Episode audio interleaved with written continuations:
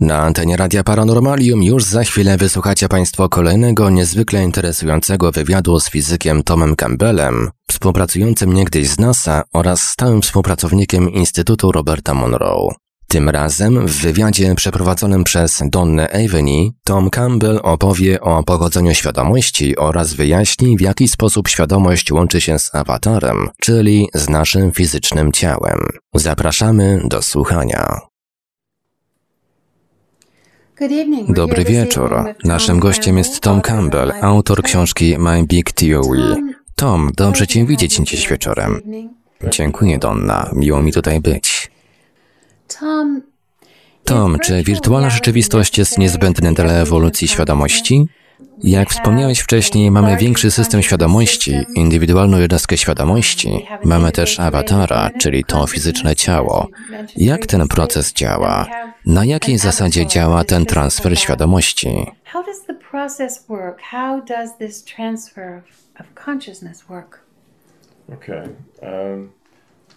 Odpowiadając na pierwsze pytanie, tak, wirtualna rzeczywistość jest niezbędna, aby świadomość mogła ewoluować. Wirtualna rzeczywistość, taka jak nasza, nie jest jednak niezbędna dla ewolucji świadomości. Efektywnie jednak ją wspomaga.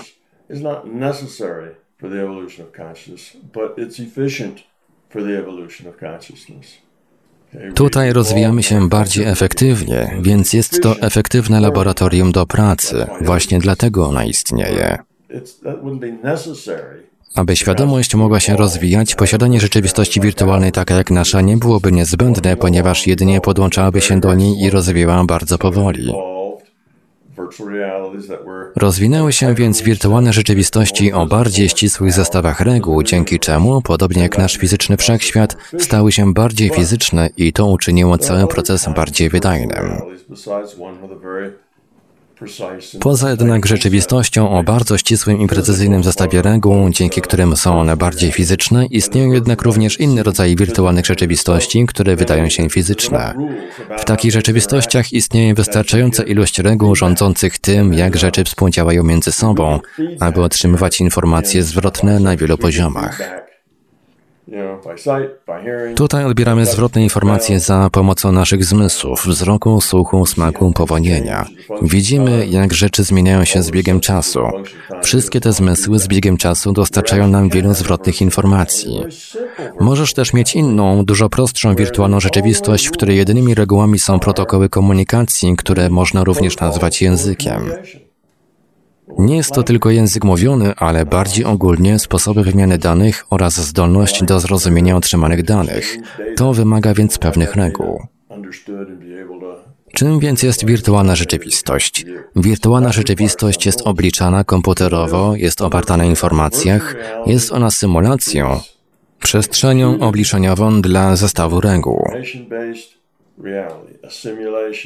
A calculational space with a rule set. Reguły określają, w jaki sposób rzeczy wchodzą w interakcję między sobą.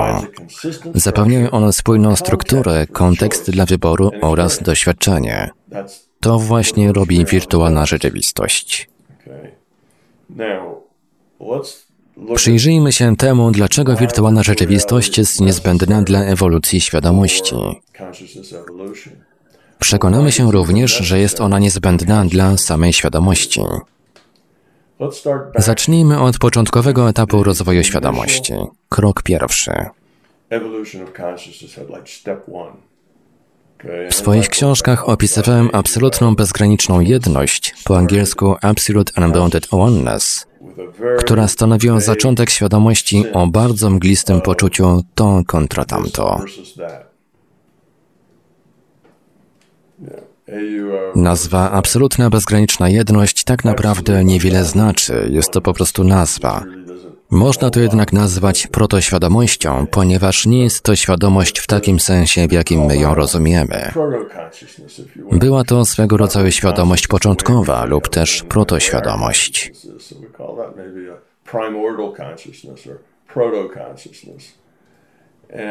Mamy też uważność oraz jedno z założeń, zgodnie z którym świadomość istnieje. Omówię teraz pokrótce, jak to się stało, że ona istnieje. Zacznijmy od uważności. Jedno z założeń mówi, że świadomość i uważność istnieją. Według innego założenia istnieje ewolucja. To oznacza, że system potrafi się zmienić, by lepiej dostosować się do swojego środowiska.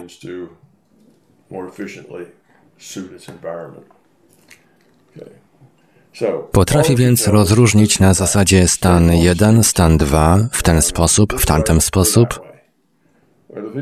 Jeśli świadomość zdawała sobie sprawę ze stanów, to zastanów się, co to oznacza. Ano oznacza to tyle, że istnieje czas, ponieważ masz zarówno przed, jak i po. To kontra tamto, dwa stany. To określa zmianę, zmiana zaś określa czas. Nie możesz mieć zmiany nie posiadając czasu. Jak widać, czas jest bardzo fundamentalny dla świadomości. Czas jest jednym z tych składników, które obok uważności są niezbędne, by utworzyć świadomość. Mówiąc o uważności, mam na myśli ową pierwotną uważność, która potrafiła jedynie rozróżniać stany. To tworzy czas, zmianę. Gdyby nie było czasu, nie byłoby zmiany. Bez zmiany nie ma wzrostu, ewolucji, nie ma niczego.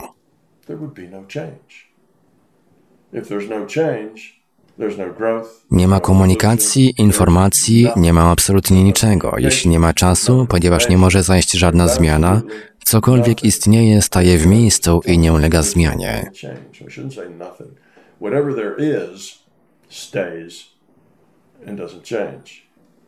Można pomyśleć o skale ukrytej pod ziemią. Skała jest bezczasowa, nic się nie zmienia, skała pozostaje skałą. To nie jest prawda. Mając wystarczająco dużo czasu, miliony lat, owa skała prawdopodobnie w jakiś sposób się zmieni. Może się rozpadnie, może grunt się nieco przesunie, w skale mogą zajść zmiany, ale to wymaga czasu. Na przykład powstanie zmiany w skale może wymagać 100 milionów lat. Brak czasu oznacza brak zmiany. Brak zmiany oznacza brak życia. Brak czasu oznacza również brak życia, brak istnienia, brak uważności, nicość. To coś martwego.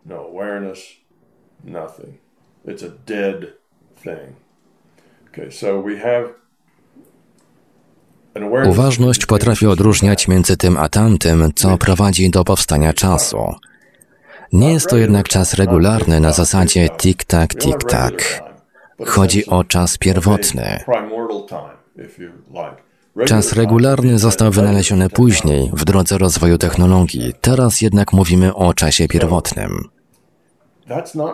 Tak naprawdę to nie jest świadomość, jest to świadomość potencjalna, prawdopodobna. Potrafiąc zrobić to i tamto, można zrobić całą serię tych i tamtych. Można powiedzieć, że świadomość rozwija się, aby to zrobić.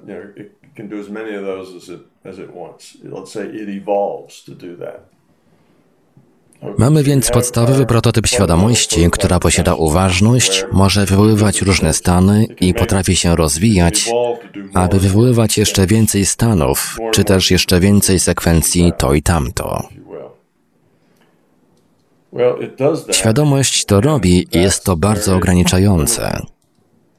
Może tworzyć szablony tych i tamtych, może dokonywać regularnych zmian to i tamto. Po tym następuje tamto. To tworzy szablon, a szablon jest zasadą. Zasada mówi, że w jednostce czasu następuje zmiana z tego na tamto. Świadomość zaczyna więc tworzyć szablony, które są zasadami. Zasady zaczynają obniżać entropię, ponieważ szablon nie jest już losowy. Szablon posiada zasady. Zasady zmniejszają entropię, ponieważ teraz mamy już formę. Rzeczy zaczynają podążać za szablonem. Nie jest to już tylko losowość. Mamy więc zasady, które zaczynają obniżać entropię. Jest to system oparty na informacji. To i tamto stanowi informację, tak jak 1 i 0. Jest to system binarny. Posiadając zasady, zaczynasz obniżanie entropii systemu, tworzysz szablony, porządek, struktury. System chce robić tego jeszcze więcej. A dlaczego? Ano po to, by przetrwać. Ponieważ w razie powrotu do stanu początkowego system zniknie i nie będzie już szablonów, a jedynie zostaną przypadkowe fragmenty. Może upłynąć bardzo wiele czasu, zanim protoświadomość w ogóle zorientuje się, że może odróżniać pomiędzy tym i tamtym, a jeszcze dłuższy czas zajmie jej stworzenie szablonu, a potem szablonów kolejnych szablonów oraz różnych rodzajów szablonów. Używając zer i jedynek można utworzyć wszelkiego rodzaju szablony.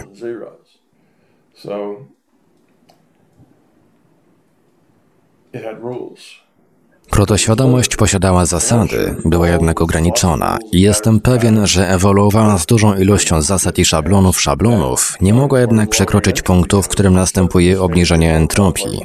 Być może mogła tworzyć coraz bardziej złożone szablony, ale to nie wystarczyło. Protoświadomość musiała znaleźć nowy sposób na większą ilość interakcji.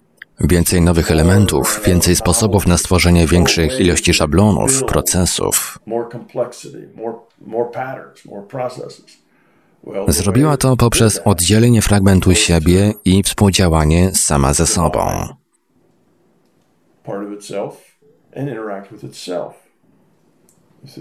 Nie był to tylko jeden nowy element, ale było ich kilka. Mogły współdziałać między sobą i każdy z nich posiadał wolną wolę, ponieważ bez wolnej woli interakcja nie miałaby znaczenia, nic by nie wniosła.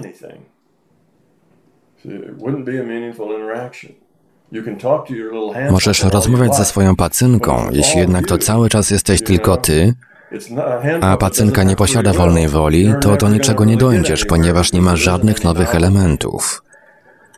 Musi to być coś, co będzie w stanie swobodnie wchodzić z Tobą w interakcję i robić swoje na swój sposób.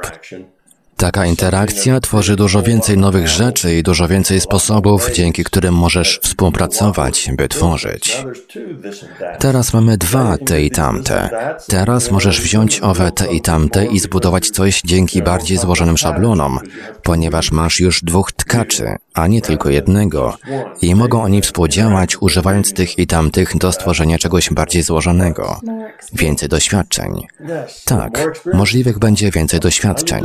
Rośnie rośnie Twoja przestrzeń decyzyjna, możesz zrobić więcej rzeczy, możesz współdziałać na więcej sposobów. Robiąc tego więcej, tworzysz więcej podzbiorów, indywidualnych jednostek świadomości. Tworzysz ich dużo więcej, więc mogą współdziałać. To byliśmy my. Gdy mówimy o wolnej woli i wirtualnych rzeczywistościach, elementem krytycznym, który musi ulec zmianie jest to, że gdy już stworzyłeś nie jeden, a dwa elementy, to pomocne będzie, gdy owe dwa elementy będą się ze sobą komunikowały. Jeśli mogą one współdziałać, zaczyna się rozwijać pewien rodzaj współdziałania. W przeciwnym razie istniałyby dwa elementy, z których każdy robi swoje, a które by nie współdziałały. Posiadanie dwóch elementów robiących to samo tak naprawdę nie obniża entropii. To nie jest nic nowego. Nie jest to budowanie i konstruowanie w ramach współpracy.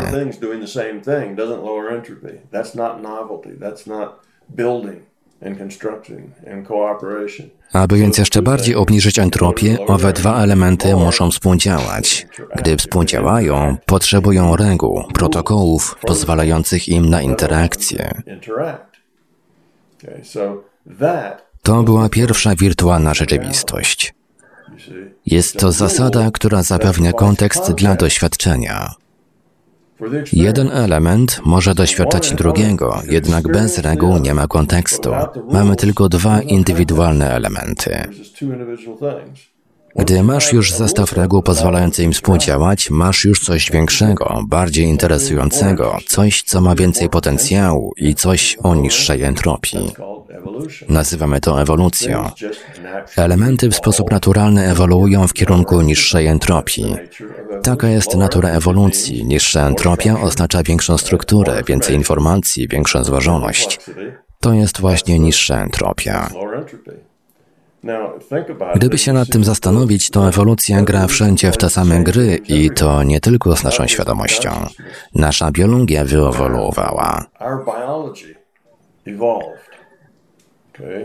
Gdy nasza biologia zaczęła ewoluować, zaczęło się od komórki, pojedynczej komórki organizmów jednokomórkowych. Teraz nazywamy je bakteriami, Żywy organizm składający się z jednej komórki. Mamy wiele rodzajów bakterii, jednak każdy z tych rodzajów robi swoje.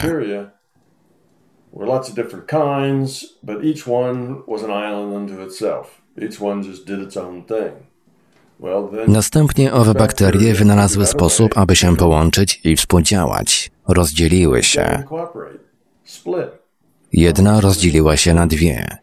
Teraz mamy organizm dwukomórkowy. Tym dwóm komórkom niewiele to jednak pomogło. Nie współdziałały, ponieważ nie było między nimi języka. W przypadku bakterii, podobnie jak w przypadku świadomości, język służył do przekazywania danych. Musiał się on jednak rozwinąć.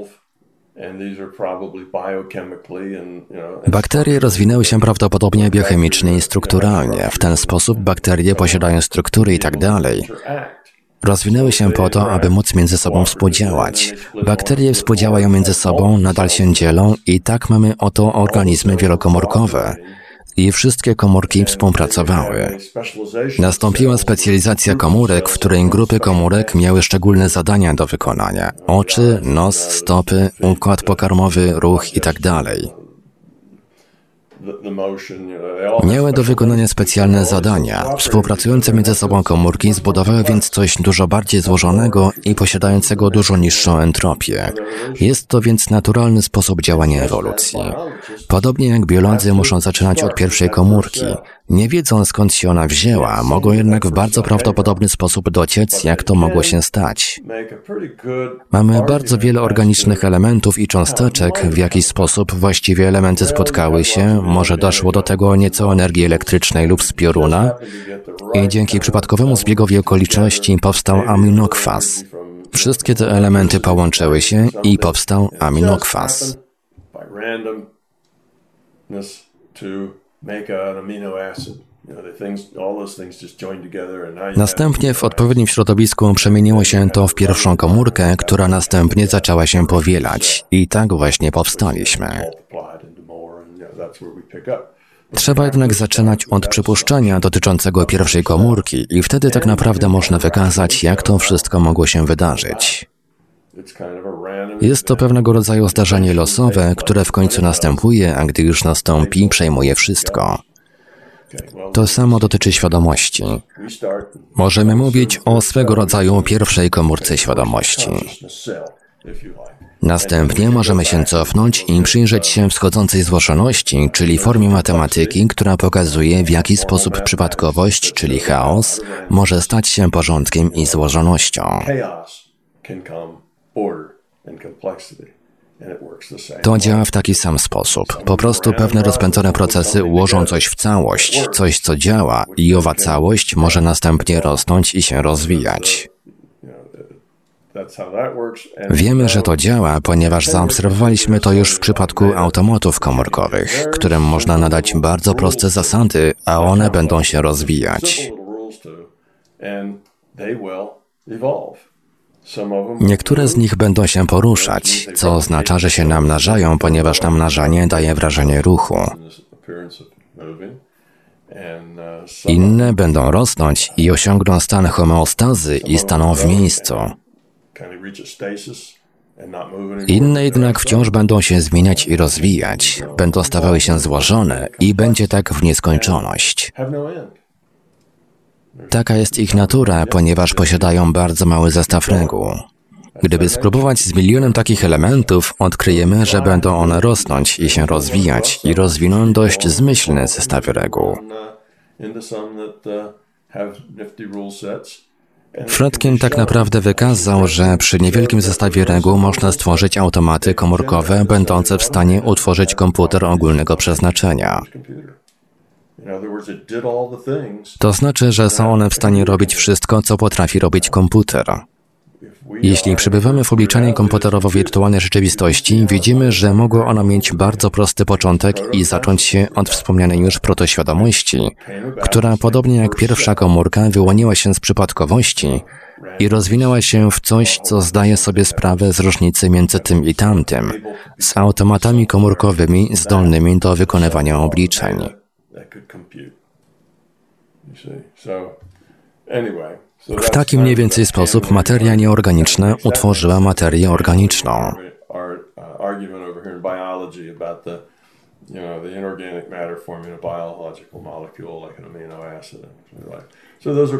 To prowadzi nas do punktu, w którym potrzebujemy wirtualnej rzeczywistości do komunikacji pomiędzy tymi dwoma elementami. I jest ich dużo więcej niż tylko dwie. Mamy bardzo wiele indywidualnych jednostek świadomości współdziałających ze sobą i im więcej ich jest, tym więcej mamy nowych rzeczy i więcej wyborów. Cały system może dzięki temu stać się bardziej złożony i kooperatywny, podobnie zresztą jak komórki. Proces może więc trwać. Odbywa się on jednak tylko dlatego, że masz wirtualną rzeczywistość, która pozwala tym elementom wchodzić w interakcję. Simple virtual reality. Just Prosta wirtualna rzeczywistość, komunikacja, interakcja, współdzielenie informacji. Wszystko to ostatecznie rozwija się do bardzo złożonej wirtualnej rzeczywistości, począwszy od pewnych początkowych uwarunkowań i zestawu reguł. Jak już zostało wspomniane wcześniej, to wszystko wyewoluowało. Niewątpliwie jest to ewolucja. Musiało zostać wypróbowanych miliardy razy z różnymi zestawami reguł i warunkami początkowymi i ostatecznie osiągnęły coś, co w pewien sposób działało. I ten działający system wciąż ewoluował na zasadzie to jest trochę stabilniejsze, a to jeszcze stabilniejsze. W podobny sposób działa nauka. Masz coś, co działa i pracujesz nad ulepszeniem tego. Nasza technologia działa w taki sposób, a ta technologia również, bo nasza technologia tak działa. Więc system ewoluował i po pewnym czasie doszedł do tego zestawu reguł, który z początkowymi uwarunkowaniami stworzył stabilną wirtualną rzeczywistość, która mogła posłużyć jako szkoła dla samej siebie, dla swoich indywidualnych jednostek świadomości, aby wchodzić w interakcje na inne sposoby, a nie tylko poprzez wymianę danych. Jeśli ograniczasz się tylko do wymiany danych, to tak jakby 10 tysięcy ludzi siedziało w poczekalni bez zasad. Lepsze to niż nic, ale wciąż niewiele trakcji w takiej interakcji. no Nie ma możliwości, aby dowiedzieć się, jak sobie radzimy, w jaki sposób wpływamy na innych, a inni na nas. Jest to bardzo płytka interakcja. Wchodzisz do tej wirtualnej rzeczywistości, w której posiadasz zmysły wzroku, zapachu, smaku, słuchu itd. I te wszystkie elementy współdziałają ze sobą w tej bardzo spójnej rzeczywistości. Łatwo wówczas zauważyć, co robisz, w jaki sposób wpływasz na inne świadomości. Ta informacja zwrotna po prostu tam jest. To nie jest tylko wyjście z poczekalni i pojawienie się w niej pod nową nazwą. You can just disappear and then come back next time under a new name. W tej wirtualnej rzeczywistości jest to niemożliwe. Masz swoje nazwisko, awatara, teraz jesteś kumulacją doświadczeń. Zbierasz te doświadczenia i nie możesz po prostu zniknąć, zresetować się, nic z tych rzeczy. Musisz współdziałać. Jesteś w grze, która wymaga interakcji. Mamy teraz wystarczającą ilość reguł zapewniających nam bardzo ścisły kontekst oraz sposób interpretowania interakcji. Odpowiedź na początkowe pytanie o to, czy wirtualna rzeczywistość jest niezbędna dla rozwoju świadomości, brzmi więc tak. Wirtualna rzeczywistość może być tak prosta, że ograniczona do protokołów komunikacyjnych. To najprostsza forma rzeczywistości wirtualnych. Bez tej wirtualnej rzeczywistości nie ma świadomości. Jest to pewnego rodzaju pierwszy krok w odpowiedzi na pytanie, w jaki sposób nasza świadomość łączy się z awatarem. Następny krok to to, czy w ramach naszej świadomości możemy mieć indywidualne jednostki świadomości oraz ich podzbiory wewnątrz tego większego systemu świadomości. Teraz mamy też naszą grę wirtualnej rzeczywistości, którą możemy rozgrywać, ponieważ rozwinęliśmy naszą świadomość z owej protoświadomości do postaci bardziej zaawansowanej. Podobnie jak pojedyncza komórka przemieniła się w zwierzę składające się z wielu komórek. Mamy tu więc coś podobnego.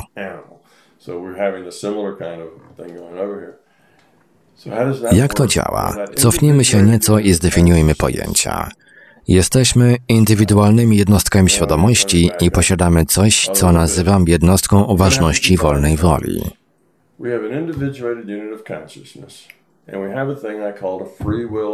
And. Są to jedynie definicje funkcjonalne. Są to metafory, definicje funkcyjne opisujące sposób funkcjonowania naszej świadomości.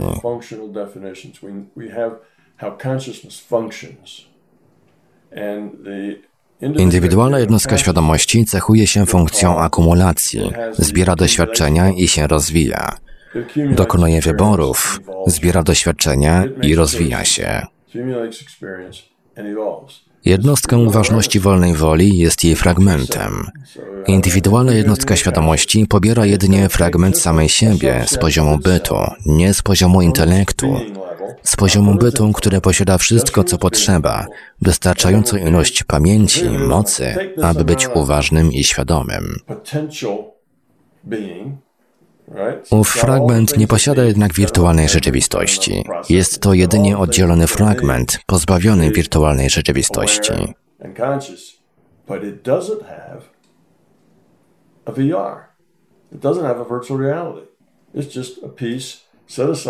There is no virtual reality. No.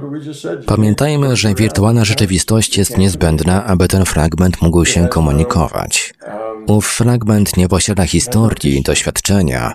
Jest to jedynie fragment świadomości, protoświadomości, potencjalnej świadomości.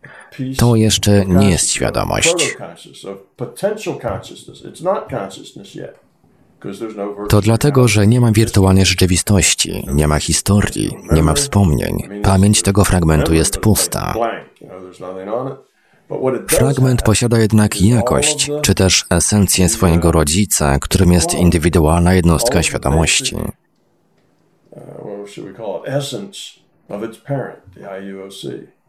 Indywidualna jednostka świadomości rozwinęła się. I jej fragment pochodzący z poziomu bytu posiada potencjał, aby stać się świadomością.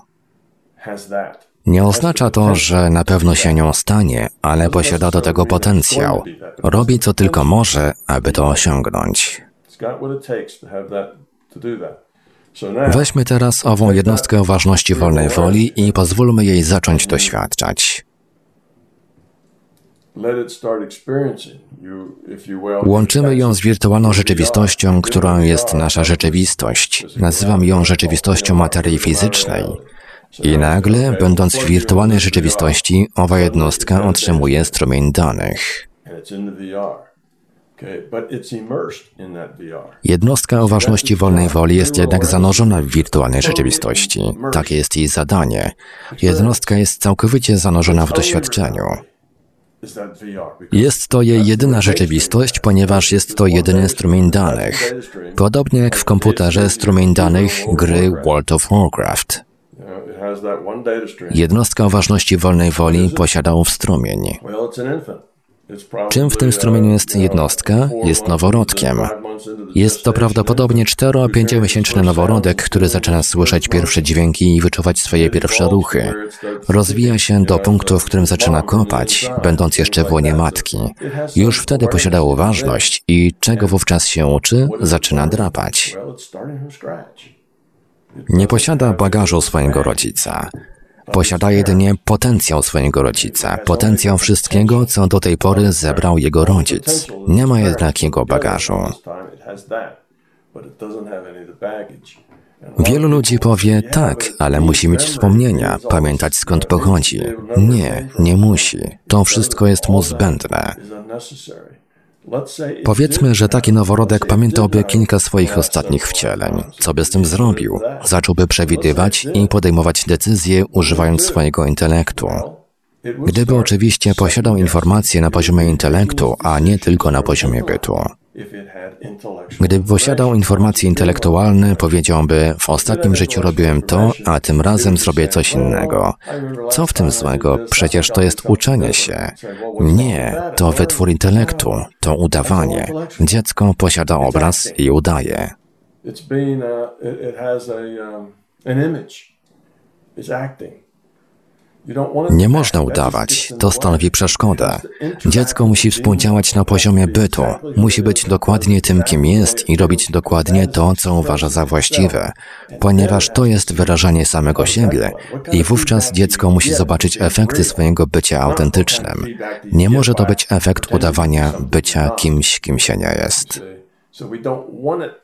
Dziecko nie może więc posiadać pamięci intelektualnej tego, skąd pochodzi, bo to po prostu stanie mu na przeszkodzie. To właśnie dlatego owa jednostka uważności wolnej woli musi być zutylizowana, ponieważ w końcu zapędzi się w ślepy zaułek swoich przekonań i ograniczeń.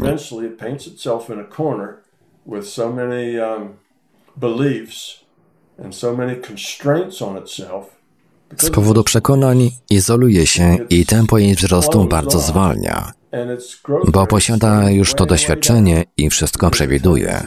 Tak naprawdę już nie reaguje. Wszystko, co robi, zależne jest od kultury, zasad typu co trzeba, a czego nie wolno robić, jak trzeba, a jak nie wolno się zachować. A przecież nie chcemy, aby nowa jednostka o ważności wolnej woli była przez to wszystko ograniczana. by Mówisz o wcześniejszych wcieleniach i często pojawia się to pytanie. Ludzie powiadają, że utrata wszystkich zdobytych doświadczeń stanowi marnotrawstwo. Nie, to jest absolutnie niezbędne. Niezbędne, aby tracić to wszystko na poziomie intelektualnym. Na poziomie bytu nie tracisz niczego. Jakość zdobyta dzięki wszystkim podjętym decyzjom, cała ta miłość i okazana troska, to wszystko wznosi cię na dużo wyższy poziom ewolucji.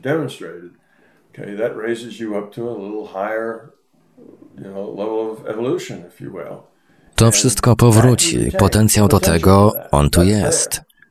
Nie powróci za to pamiętający to wszystko intelekt, ponieważ intelekt tylko by przeszkadzał. Możesz się rozwijać tylko na poziomie bytu.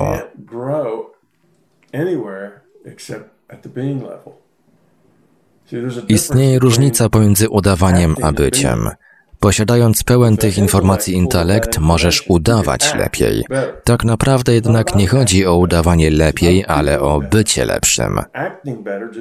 Udawanie lepiej stanowi przeszkodę, ponieważ udajesz przez całe swoje życie i tracisz kontakt z tym, kim jesteś. Nie wiesz, kim jesteś, ani co się znajduje na Twoim poziomie bytu. Rdzeń Ciebie jest niedostrzegalny, ponieważ przez całe życie tylko udajesz. Masz kulturę, która oczekuje od ciebie określonych rzeczy, zachowujesz się w sposób zgodny z twoją kulturą. Nie możesz zachowywać się w sposób niezgodny z kulturą, ponieważ nauczyłeś się, że tak nie można robić. Kultura ci tego zabrania. Kultura mówi, że nie możesz działać w taki sposób. Intelekt to zestaw nałożonych na ciebie ograniczeń.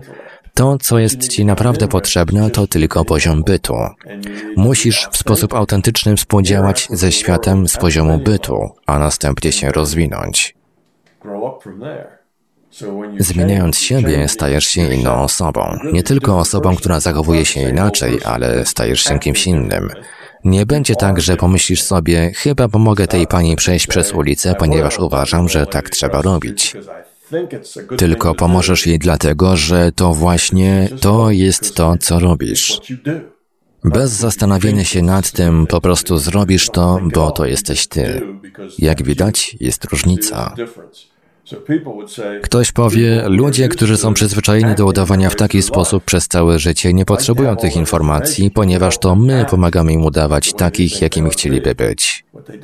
Ludzie nie rozumieją jednak, że udawanie nie jest wartościowe. Wartościowe jest bycie.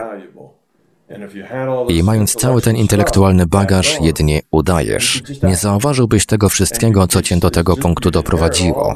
Rozwinąłeś się tak bardzo, ponieważ zrobiłeś to, byłeś tam, wiedziałeś wszystko. Wszystko miałeś na wyciągnięcie ręki, co wcale nie było dobre, ale tak właśnie było. Zostałeś osadzony na swojej ścieżce, nie lubisz nowych doświadczeń, niewiele się uczysz, nowych rzeczy. Stary pies nie nauczy się nowych sztuczek. W pewnym sensie możesz dojść do punktu, w którym zamiast się rozwijać, staniesz się dysfunkcyjny, ponieważ z całym tym intelektualnym towarem sam zapędziłeś się w ślepy zaułek. Pozbądź się tego. To zwykłe śmieci, bagaż, którego nie możesz ze sobą nosić. That's the baggage that you don't want to carry with you. Zapędziwszy się w róg, powinieneś zdać sobie sprawę z tego, że te same ograniczenia towarzyszyły ci już poprzednim razem i wtedy również nie szło ci dobrze, a powtórzenie tego nie miałoby sensu. Zapragniesz pozbyć się tego wszystkiego, zacząć od nowa i być. Ludzie, którzy czują się nieodpowiedni do tego, by być, czują się tak dlatego, ponieważ chcą nadal zachowywać się w ustalony sposób. Gdyby mieli więcej informacji, lepiej dawaliby sobie radę. Gdybym już wcześniej znał odpowiedzi, zaliczyłbym sprawdzian z lepszą oceną. Ale jeśli już z góry znasz odpowiedzi, to sprawdzian nie ma znaczenia. Skoro znasz już odpowiedzi, to sprawdzian nie jest ci potrzebny. Sprawdzian nic nie znaczy, jeśli próbujesz ściągać, otrzymując lepszą ocenę dzięki wcześniejszej znajomości odpowiedzi. To nie jest coś, co powinniśmy robić. Powinniśmy przejść ten sprawdzian z poziomu bytu, wchodzić w interakcję ze światem, otrzymać odpowiedź i zmienić się na poziomie bytu. A jeśli wejdzie nam w drogę intelekt, to jedynie będziemy udawać, że przez to przechodzimy. Nie będziemy nawet wiedzieć, kim jesteśmy wewnątrz, poza podświadomymi bodźcami wzbudzającymi w nas emocje i powodującymi pewne zachowania, o których nie wiemy nawet skąd się biorą. Jest to coś wewnątrz nas, co nas popycha. To dlatego, że nie wiemy, kim jesteśmy. Tak właśnie mamy naszą sekretną podświadomość będącą poza świadomością. To jest właśnie nasz poziom bytu, a my musimy się z nim zmierzyć. Właśnie tym jest podświadomość. To twój poziom bytu i nie wiesz, dlaczego coś robisz, dlaczego w taki sposób, dlaczego zaczynasz płakać, gdy to czy tamto się wydarzy. Gdybyś znał siebie, rozumiałbyś to i nie miałbyś podświadomości, byłbyś po prostu świadomy. Wiedziałbyś wszystko o samym sobie, rozumiałbyś, kim jesteś.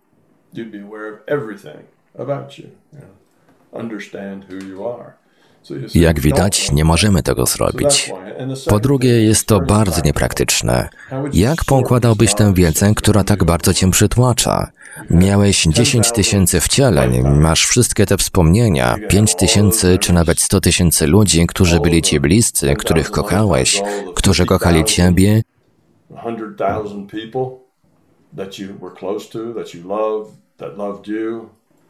I ciągnąłbyś za sobą każdy z tych związków. To by nie miało sensu. Można powiedzieć, okej, okay, weźmy ostatnie dwa lub trzy wcielenia, mogę sobie z tym poradzić ale to stanowiłoby przeszkodę, wprowadzałoby nas w błąd w kwestii tego, co robimy i blokowałoby to nam nasz optymalny wzrost i rozwój. Mamy teraz tę wirtualną rzeczywistość i indywidualna jednostka świadomości oddziela fragment siebie, oddziela go od jakiejkolwiek wirtualnej rzeczywistości, strumienia danych.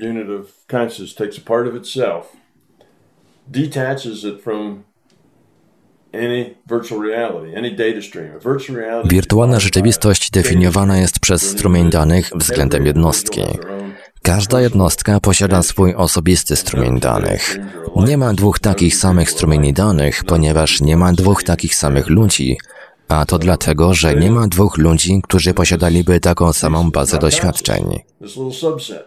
Ten oddzielony fragment indywidualnej jednostki świadomości nie jest świadomy, dopóki nie otrzyma swojego strumienia danych.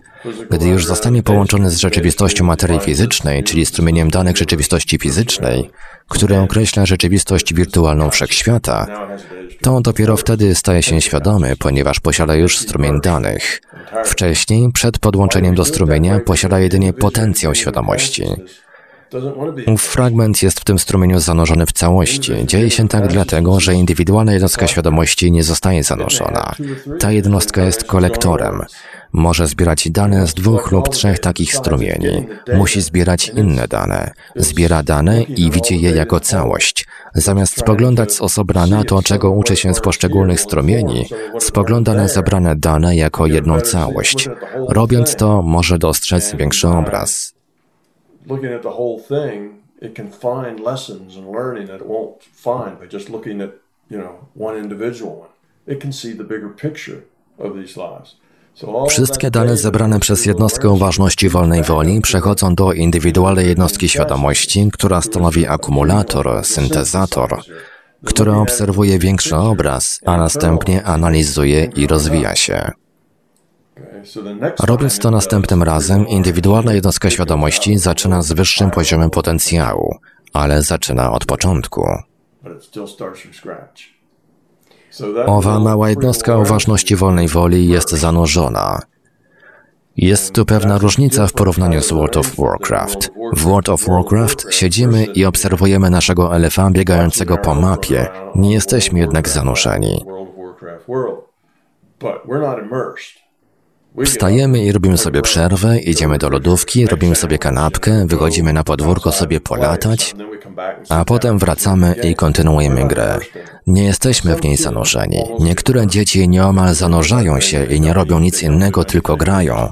Nie wiedzą, co się dzieje wokół, zanurzają się na godzinę, może na kilka godzin, nie są jednak tak naprawdę całkowicie zanurzone. Całkowite zanurzenie polega na zanurzeniu przez cały czas bez opuszczania wirtualnej rzeczywistości. Właśnie tego potrzebujesz, aby się w niej rozwijać. Nie możesz zrobić sobie przerwy, bo na przykład masz w tej wirtualnej rzeczywistości trudny okres. Gdy zrobisz sobie taką przerwę w World of Warcraft, twoja postać będzie stała w miejscu i nie będzie nic robiła w czasie, gdy ty pójdziesz sobie zrobić kanapkę, a potem wrócisz, by kontynuować grę. Tutaj to nie działa, ponieważ to jest bardzo ścisły zestaw reguł. Gra musi być ciągła, musi być owo zanurzenie. Indywidualna jednostka świadomości nie jest od tego, aby się zanurzać, tylko aby zbierać dane, syntezować je i starać się na ich podstawie rozwijać się.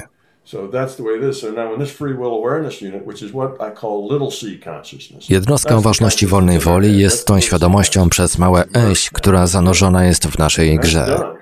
Gdy nasz awatar, to jest nasze ciało, umiera, jednostka o ważności wolnej woli ginie, rozpada się, już jej nie wykorzystujemy. Ale historia, dane dotyczące wszystkiego, co myślała, czuła, wszystko przez co przeszła, wszystkie odczucia, doznania zmysłowe, wszystko zebrane od narodzin aż do śmierci, zostaje zapisane w bazie danych przeszłości. Ale tej jednej jednostki uważności wolnej woli już nie ma. Zrobiła, co do niej należało, odegrała swoją rolę, umarła. I teraz indywidualna jednostka świadomości może wziąć następną jednostkę ważności wolnej woli, a nawet dwie naraz, aby grać nimi w tej grze. Zacznie jednak z wyższego poziomu, ponieważ nauczyła się poprzednim razem. Właśnie tak to działa.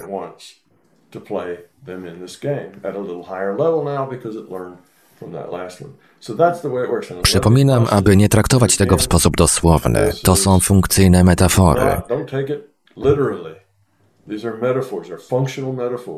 Wiemy, że świadomość posiada te funkcje, ponieważ ją widzimy.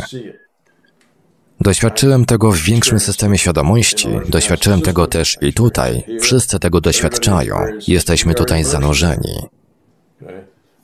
Jesteśmy również połączeni z czymś większym, ponieważ ewolucja wymaga czasu.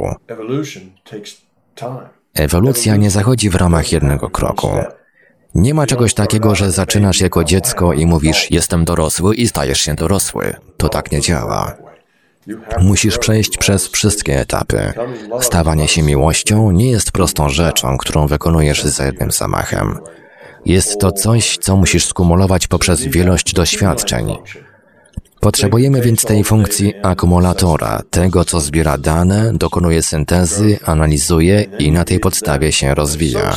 Potrzebujemy też tego podzbioru, który jest zanurzony i po prostu doświadcza, dokonuje wyborów. Praca świadomości polega więc na dokonywaniu wyborów za pośrednictwem awatara, dosłownie na wysyłaniu wyborów do tego awatara. Awatar nie robi niczego, o czym nie zdecydowała świadomość. Awatar jest jak elf w World of Warcraft. Jest to wynik obliczeń komputera. Awatar nie posiada mózgu ani fizycznego ciała, nie posiada własnej świadomości.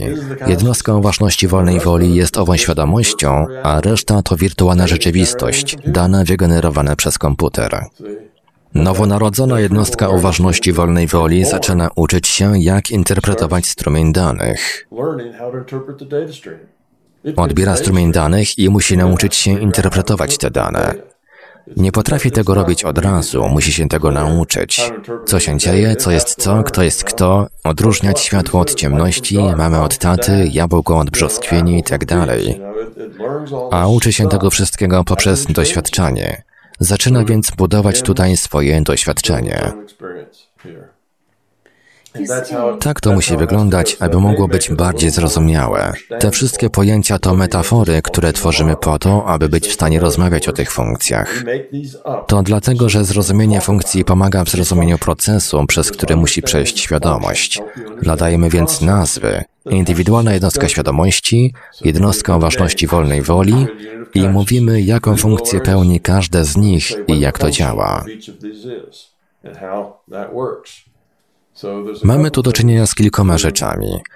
Jedną z nich jest to, że zasady interakcji w wirtualnej rzeczywistości tworzą kontekst, który umożliwia istnienie wyboru w oparciu o wolną wolę oraz jego konsekwencji w ramach spójnych ram roboczych zwanych ramami rzeczywistości.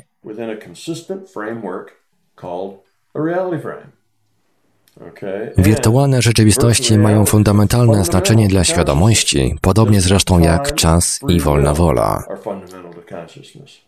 Nie mając przynajmniej wirtualnej rzeczywistości umożliwiającej komunikowanie się, nie możemy mówić o komunikującej i współdziałającej świadomości o skończonej przestrzeni decyzyjnej, w pełnym naszym rozumieniu tego słowa. Bez wirtualnej rzeczywistości jest to tylko protoświadomość.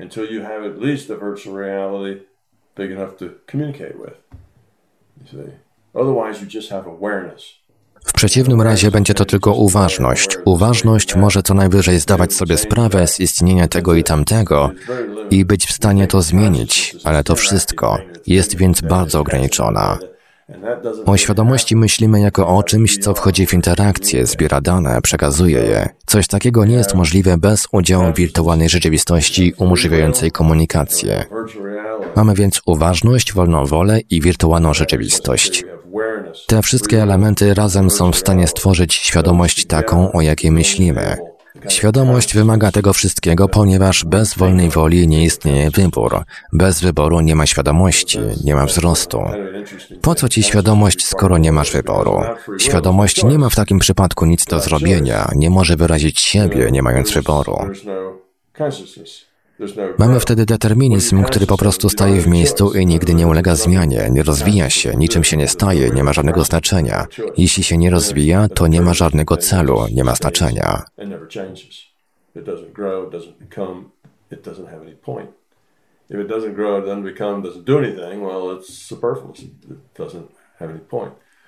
Ewolucja nie tworzy rzeczy posiadających znaczenie. Ewolucja tworzy rzeczy, które działają. So that's the, that's the idea. You need time. You need Potrzebujemy więc czasu, wirtualnej rzeczywistości oraz uważności. Mając to wszystko, mamy świadomość i może się ona jedynie rozwijać, zaczynając od przypadkowości. Po tym nie jest już taka przypadkowa. Nasza ewolucja nie jest przypadkowa, ponieważ informacją zwrotną daną nam przez większy system świadomości w tej wirtualnej rzeczywistości jest intencja zmieniająca przyszłe prawdopodobieństwo, dzięki której tworzymy świat odzwierciedlający nas samych.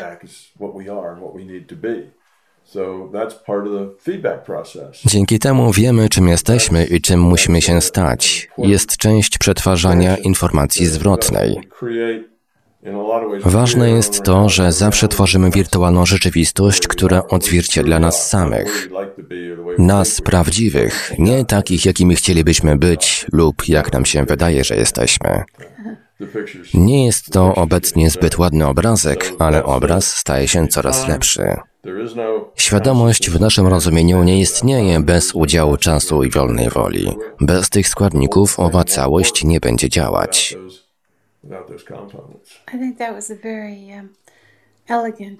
Jest to bardzo dokładne, a zarazem bardzo proste wyjaśnienie złożonego pojęcia. Czy podany przez Ciebie przykład pierwotnej komórki pamięci oraz przykład powstawania komórki biologicznej stanowi szablon fraktalny natury? Is that the fractal pattern that you sometimes speak of in nature? Z pewnością jest to szablon fraktalny. Gdy mówimy o fraktalu geometrycznym, to w jego równaniu zawarty jest pewien kształt geometryczny. Owo równanie kształtu powtarza się samo z siebie. Jeśli na przykład masz trójkąt, to na jego krawędziach pojawiają się mniejsze trójkąty, z kolei na krawędziach tych mniejszych trójkątów zagoszczą jeszcze mniejsze trójkąty i tak dalej. Trójkąt będzie zatem dodawał kolejne trójkąty o różnych rozmiarach, różnych skalach. I w ten sposób możesz zbudować najbardziej niesamowite struktury fraktalne, takie jak chmury, góry, kwiaty itd.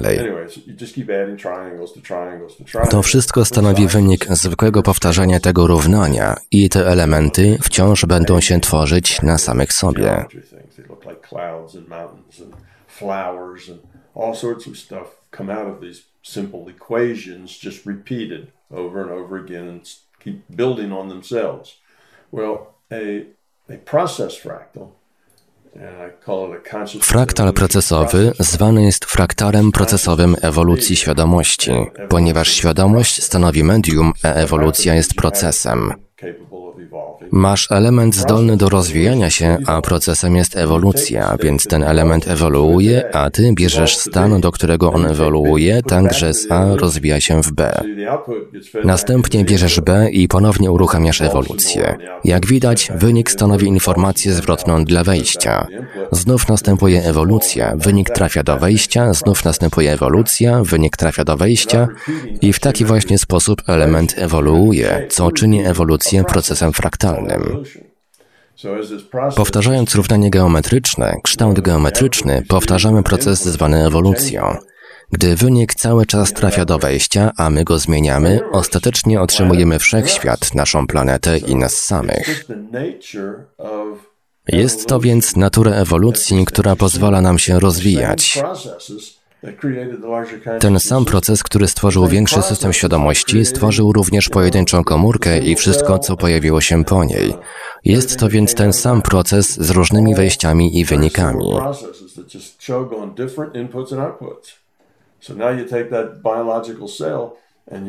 Gdyby wziąć ową pojedynczą komórkę i kazać jej ewoluować poprzez ciągłe kierowanie wyniku do wejścia, i ta komórka będzie ewoluować i ewoluować, to ostatecznie otrzymamy wszystkie stworzenia, rośliny i wszystko inne, co wyewoluowało od tej komórki. Są to permutacje i kombinacje możliwości wszystkiego, co może się wydarzyć, i to wszystko potrafi wyewoluować w ramach tej maszyny. I ta ewolucja wciąż trwa poprzez kierowanie wyniku do wejścia. Widzimy więc podobieństwo pomiędzy tymi wszystkimi elementami, ponieważ taka właśnie jest natura ewolucji.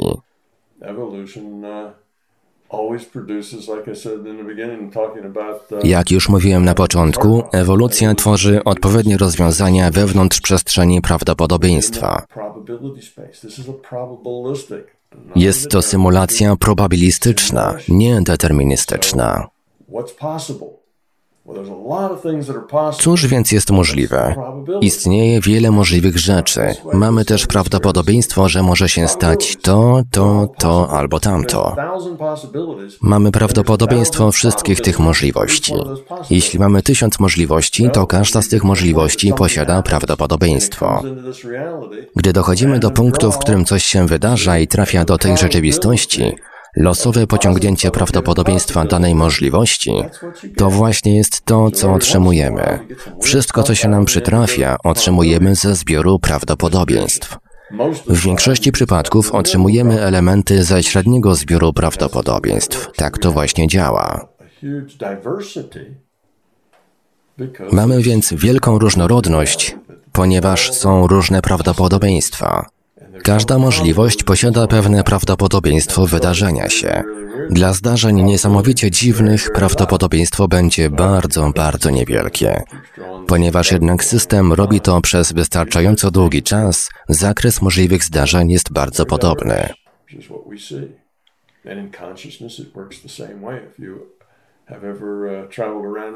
Podobnie ma się rzecz ze świadomością.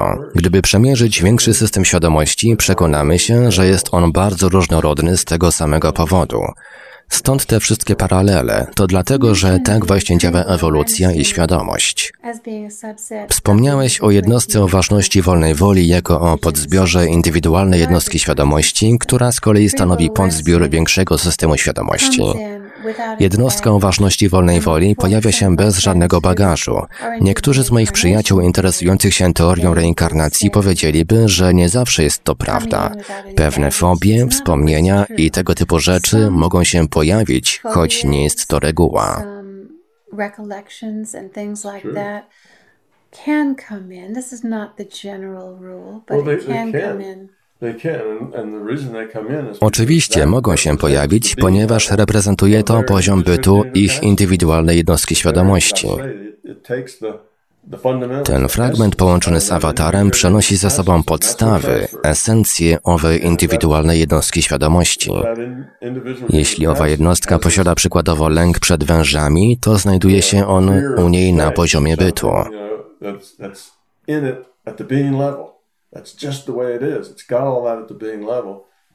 Po prostu lęk przeszedł na poziom bytu i jest przenoszony do jednostki uważności wolnej woli. Mamy poziom intelektualny, jednak dokładny opis cech tej istoty, włączając w to wszelkie lęki, miłość i wszystko inne, znajduje się na poziomie bytu. Cały poziom bytu wraz z jego cechami, cudami, potencjał do tego, to wszystko przechodzi do tej jednostki uważności wolnej woli. Jednostka uważności wolnej woli nie posiada jednak wspomnień, ponieważ jest to jedynie potencjał. It doesn't know. It doesn't know why it has these. Nie wie wobec tego, dlaczego to ma. Dokładnie, po prostu je posiada. Jednostka o ważności wolnej woli zaczyna od podłączenia się do strumienia danych, który opisuje grę wirtualnej rzeczywistości tutaj, rzeczywistość materii fizycznej i zaczyna doświadczać. Posiada wszystko, co zostało na nią przeniesione jako potencjał. Możemy to nazywać wysokim bądź niskim potencjałem. Jeśli nasz potencjał jest niższy, możemy mieć więcej lęków, problemów, obsesji. Kto wie, co otrzymaliśmy. Nie muszą to być jakieś konkretne obsesje, może to być obsesja na punkcie węży czy pająków, a równie dobrze może to być skłonność do odczuwania lęku przed strasznymi rzeczami. Gdy jednostka uważności wolnej woli zaczyna doświadczać, może wybrać inną straszną rzecz, by wyrazić obsesję, gdy się na nią natknie. Jeden może bać się pająków, inny słoni, jeszcze inny będzie bał się cieni, obcych, węży itd. Niekoniecznie musi to być obsesja na punkcie tego samego, ponieważ szczegółowe dane są różne, ale podstawy obsesji są takie same. Dana jednostka o ważności wolnej woli ma więc skłonności do pewnych zachowań, do odczuwania lęku, a to dlatego, że jej indywidualna jednostka świadomości była przelękniona. Istota o wyższym poziomie rozwoju nie posiada tyle lęku, jak również jednostka o ważności wolnej woli nie posiada takiego potencjału dla rozwinięcia lęku. Nie oznacza to, że sama nie może takiego lęku rozwinąć. Jednostki uważności wolnej woli nie zawsze się rozwijają, potrafią również cofać się w rozwoju. Ma ona jednak lepszy start. Cokolwiek tkwi na poziomie bytu indywidualnej jednostki świadomości, od tego zaczyna też jednostka uważności wolnej woli, lęk i tak dalej. Czy nie byłoby więc dobrym pomysłem odkryć źródło tego lęku i spróbować go zrozumieć, a następnie się go pozbyć, tak aby poziom bytu miał go mniej? Tak, absolutnie. Bo gdy jednostka o ważności wolnej woli przezwycięży ten lęk, to po prostu ulepszy swojego rodzica. Przeżywa doświadczenia, w których styka się z tym lękiem, ale ostatecznie go przezwycięża, zapomina o nim. Jest to po prostu rozwój jednostki uważności wolnej woli. Uczy się zapominać o tym lęku, ponieważ jest to po prostu fragment jednostki uważności wolnej woli.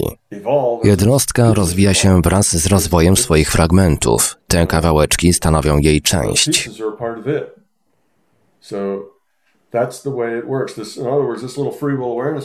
Właśnie tak to działa. Jednostka o ważności wolnej woli podejmuje decyzje, pochodzi jednak ona od indywidualnej jednostki świadomości i niesie za sobą ten sam potencjał. Jeśli jednak jednostka o ważności wolnej woli rozwija się, to rozwija się też indywidualna jednostka świadomości. I nie ma czegoś takiego, że jednostka o ważności wolnej woli zbiera informacje i w momencie jej śmierci następuje wielki upload do indywidualnej jednostki świadomości. Informacje są przekazywane przez cały czas. Wraz z rozwojem jednostki o ważności wolnej woli następuje również rozwój indywidualnej jednostki świadomości. Zaczynasz od jakości swojej indywidualnej jednostki świadomości, obojętnie czy jest ona dobra czy zła. Tak jest twój początek. Ważniejsze jednak od tego, jak zaczynasz, jest to, jak sobie z tym radzisz, jak dużo masz w sobie odwagi i w jaki sposób to rozgrywasz i tak dalej. Owa jednostka o ważności wolnej woli mogła mieć w sobie dużo odwagi, ponieważ jej część jest bardzo solidna. Jeśli jednak ulepszy swojego rodzica, wówczas następna jednostka o ważności wolnej woli zacznie z wyższego poziomu. I jak to teraz wszystko podsumować? Dokładnie. Czas wymyślić slogan. Ważne jest nie to, jak zaczynasz, ale co z tym zrobisz, jak to ulepszysz. To rozwija się jako całość. To nie jest coś na zasadzie doszedłeś do pewnego punktu, zadzwonił dzwonek i wygrałeś 200 dolarów. Chodzi o robienie postępu. Dziękuję, Tom. Jest to bardzo interesujący i bardzo objaśniający sposób opisania, w jaki sposób działa świadomość i połączenie jednostki uważności wolnej woli z awatarem. Trzeba pamiętać, że to wszystko to są metafory funkcyjne opisujące sposób działania tego wszystkiego. One jednak pomagają nam o tym mówić. Bez metafor dyskusja byłaby niemożliwa. Możemy rozmawiać o tych kwestiach jedynie używając metafor. Ty robisz szczególnie dobrą robotę, ponieważ według mnie posiadasz największy obraz tego, jak działa świadomość. Sądzę, że będzie to dla wszystkich bardzo pomocne. Very helpful to everyone. Well, I hope so. Taką mam nadzieję. W końcu po to nagrywamy ten wywiad. Ten i poprzedni są moimi ulubionymi. Dziękuję.